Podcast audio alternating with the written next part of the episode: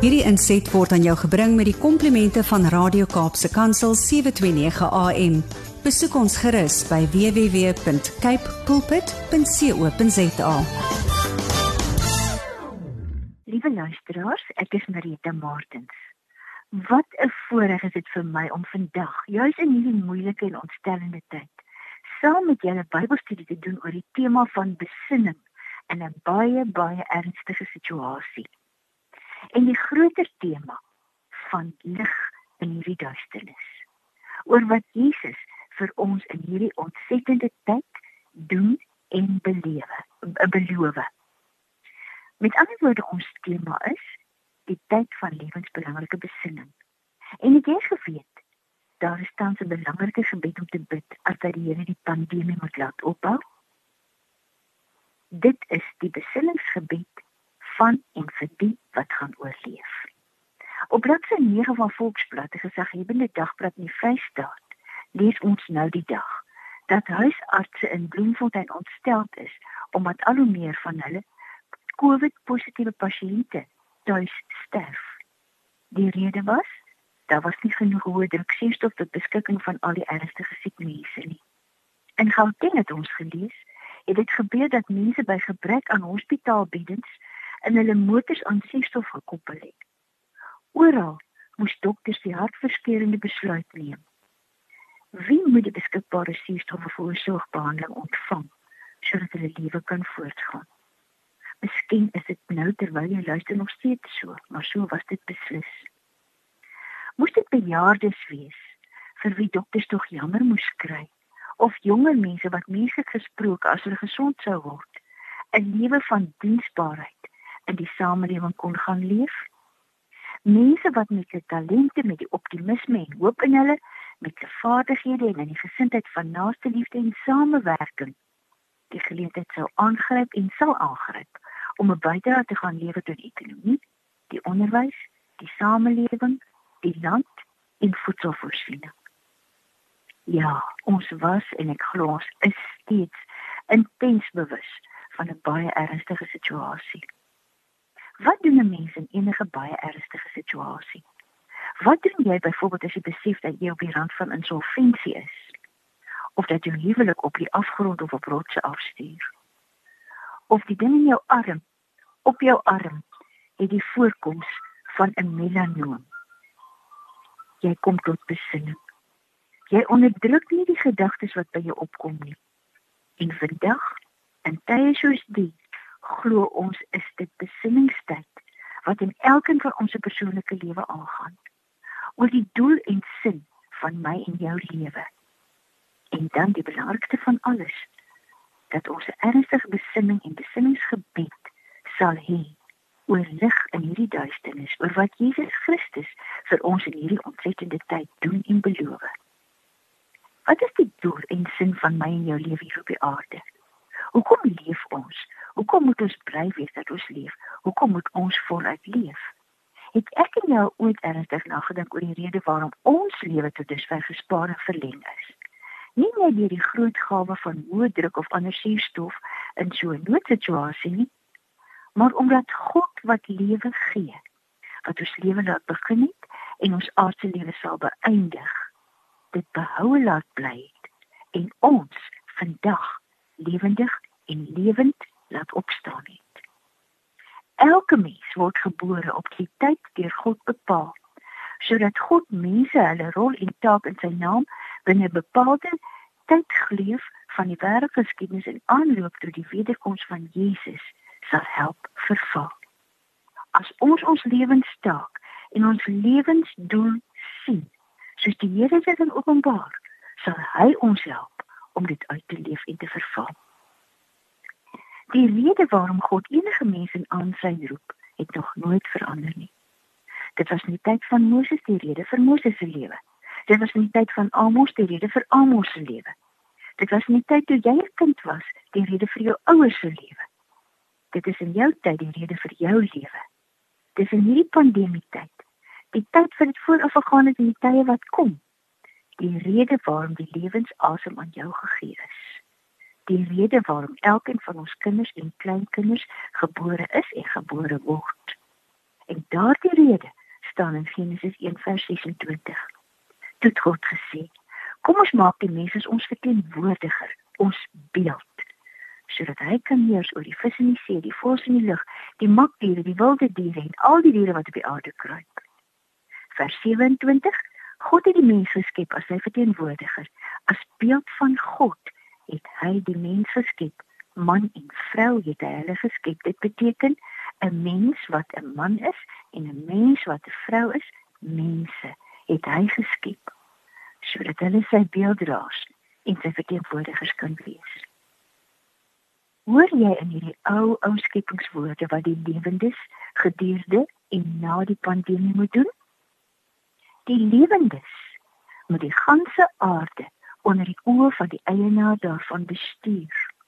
Die lewendes of die oorlewendes, die begenadigdes moet elke dorp en stad, elke waterreservaat en plaas, elke heuwel en vallei, rivier en oseaan, elke skoolgebou en elke kosbare boek in elke biblioteek versorg, bewerk, bewaak, koester. O Heer, ons wil so graag leef En die van ons wat oud is, wil so graag hê dat ons nageslag sal leef om juis hierdie dinge te doen. Hier ons wat leef, bid vir die lewe, die lewensdoel en die lewensstaak van hulle vir wie u gaan laat oorleef. Want die woorde van Job 35 vers 8 tot 12 is so waar. Jou sonde raak jou medemens en jou onskuld raak jou medemens mense roep om om hulp in hulle swaar verdrukking. Hulle soek hulp teen die geweld van mense met mag. Maar hulle vra nie na God hulle maker, na hom wat selfs in die nag 'n lied kan laat sing nie. Na hom wat aan ons meer verstand gegee het as aan die diere, meer insig as aan die voëls. Mense roep om hulp, maar hy antwoord nie, want hulle is vol hoogmoed en boosheid. Here, ons bid dat die wat leef en gaan oorleef, hulle vuurhoutjies net vir eie vuurtjies sal gebruik. Dat brandstigting en brandende buitebande tot die verlede sal behoort. Dat die wat leef en oorleef, die woord van die Here, u skepingswoorde sal hoor galm. Dat elkeen sal weet u maak hom of haar u verteenwoordiger sodat hy kan heers oor die vis in die see, die voëls in die lug, die makdiere, die wilde diere en al die diere wat op die aarde kruip want U het ons geskep as U verteenwoordigers, mans en vroue het U ons geskep. Maar ons is ook Nuwe Testamentiese gelowiges en vir ons het Jesus gesê dat ons sy voorbeeld moet volg. Sy voorbeeld? O geweldig is sy voorbeeld van volharding nie. Johannes 14 vers 31. Dis Jesus wat praat.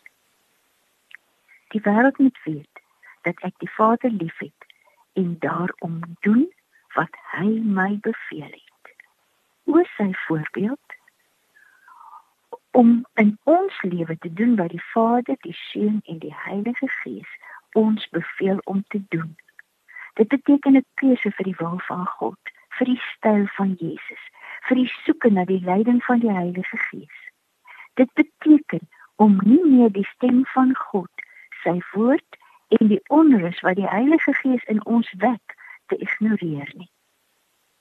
As ons Jesus gedurende ons aardse lewe verteenwoordig, leef ons soos hy en doen ons soos hy.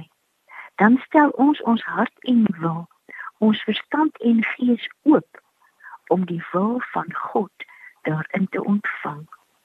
Want ons is werktuie van die Here en hy wil sy wil in ons plaas.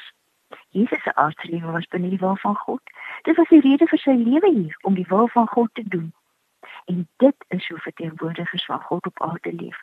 Hulle maak soos Jesus hulle voorbeeld, hulle verlosser. Hulle maak soos hy wat die een is wat die lewe aan hulle gegee het. O kom ons luister hoe die taal wat Jesus oor menswees praat klink. Want in hom sien ons hoe die mens wat in die wil van God is, die mens wat God jou en my kan en wil maak, hoe so 'n mens leef. Die mens wat aanderkant en in die pandemie, die die genadegawe van verlengde en gepaard gespaarde lewe van God ontvang. Johannes 4:32. Jesus sê vir hulle: Ek het voedsel om te eet waarvan julle nie weet nie. Die disippels sê toe vir mekaar: Sou iemand dalk vir hom iets te eet gebring het? Maar Jesus het vir hulle gesê: My voedsel is om die wil te doen van hom wat my gestuur het en om sy werk te voltooi. Jesus sê vir ons in Johannes 14:23: As iemand my liefhet, sal hy my woorde ter harte neem. En my Vader sal hom lief hê en ons sal na hom toe kom en by hom woon. Wie my nie liefhet nie, my woorde nie ter harte nie. Die woorde wat jy hoor is nie myne nie, maar die Vader se wat my gestuur het. Dit sê ek vir julle terwyl ek nog by julle bly, want net die Vader in my naam die voorspraak, die Heilige Gees stuur sal hy julle alles leer en julle herinner aan alles wat ek vir julle gesê het. Vrede laat ek julle nou. My vrede gee ek vir julle. Die vrede wat ek vir julle gee is nie soos wat die wêreld gee nie. Julle moenie ontstel wees nie en julle moenie bang wees nie. Here, ons bid in die tyd van diepe besinning dat U elkeen wat hier luister en elkeen wat vandag in tye soos die so verskriklik ontsteld is, maar eers sal dit ophou bid dat die pandemie sal verbygaan.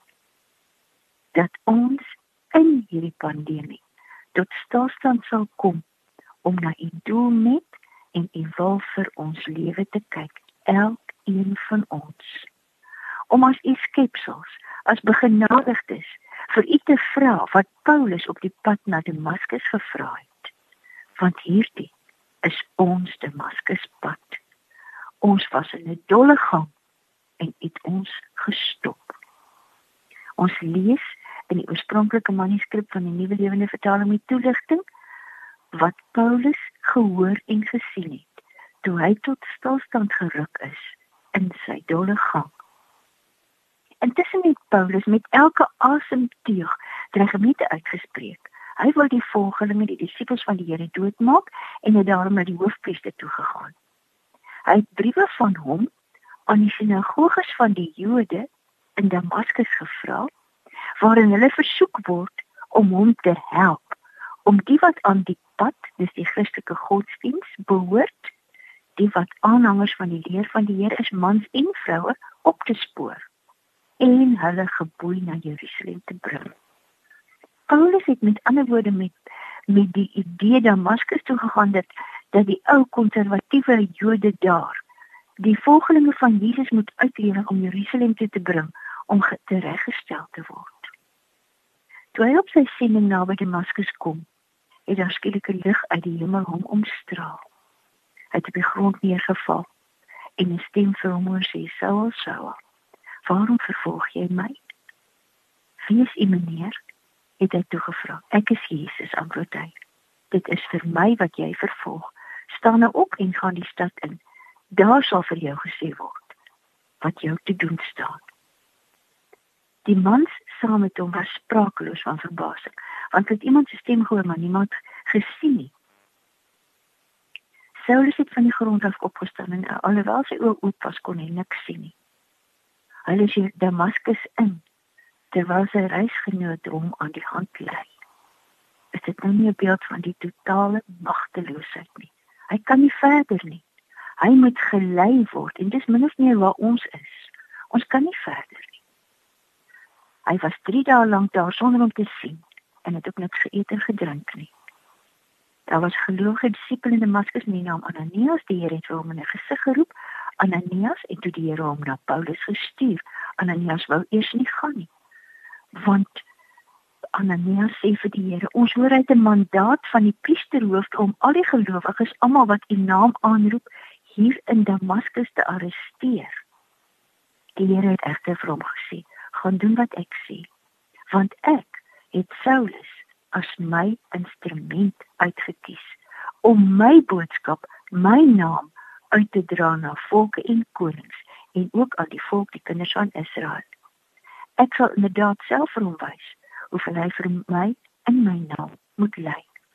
En so gaan paar uh, Ananias toe na Paulus toe en hy sê vir hom: "Broer, geloofsbroer Saul, die Here het my gestuur. Jesus wat aan jou verskyn het op pad hierheen, hy het my gestuur sodat jy deur die handoplegging waardeur hy werk, weer kan sien en met die Heilige Gees vervul kan word. Onmiddellik het iets so skille of skubbe van Saulus se oë afgeval en hy kon weer sien. Hy het opgestaan en is gedoop. Hy het kos geëet en sy kragte begin herwin. Paulus het ook in 'n ander weergawe self vertel wat hy bestem was om te ontvang toe die Here hom op sy pad gestop het, toe hy gestol het soos wat ons op die oomblik gestol het. Jesus sê vir hom in Handelinge volgens Handelinge 22 vers 14 vir ons almal net soos vir Paulus dat hy 'n direkte doel 'n direkte doel vir Paulus se lewe het. Want Paulus het 'n lewe en 'n lewensdoel gehad wat op sy eie ewige dood en tragedies in ander se lewe bly afstuur het. En dit is wat God vir Paulus wou gee en gegee het. Die God van ons voorvaders het jou uitgekies om sy wil te ken, die regverdige te sien en sy stem te hoor, want jy sal vir alle mense se getuie wees van wat jy gesien en gehoor het. Hiervoor bid ons vir elkeen wat leef en oorleef en gaan oorleef. Here, laat elkeen in hierdie heerlike liggaam leef, want so lewe om U wil te ken, U stem te hoor en U getuie te wees gaan geweldig wees en vol oorwinning en vol onuitspreeklike blydskap. Here, gee dit asseblief vir elkeen wat vandag op die Damaskuspad is om U naam ontvang. Amen. Hierdie inset was aan jou gebring met die komplimente van Radio Kaapse Kansel 729 AM. Besoek ons gerus by www.cape pulpit.co.za.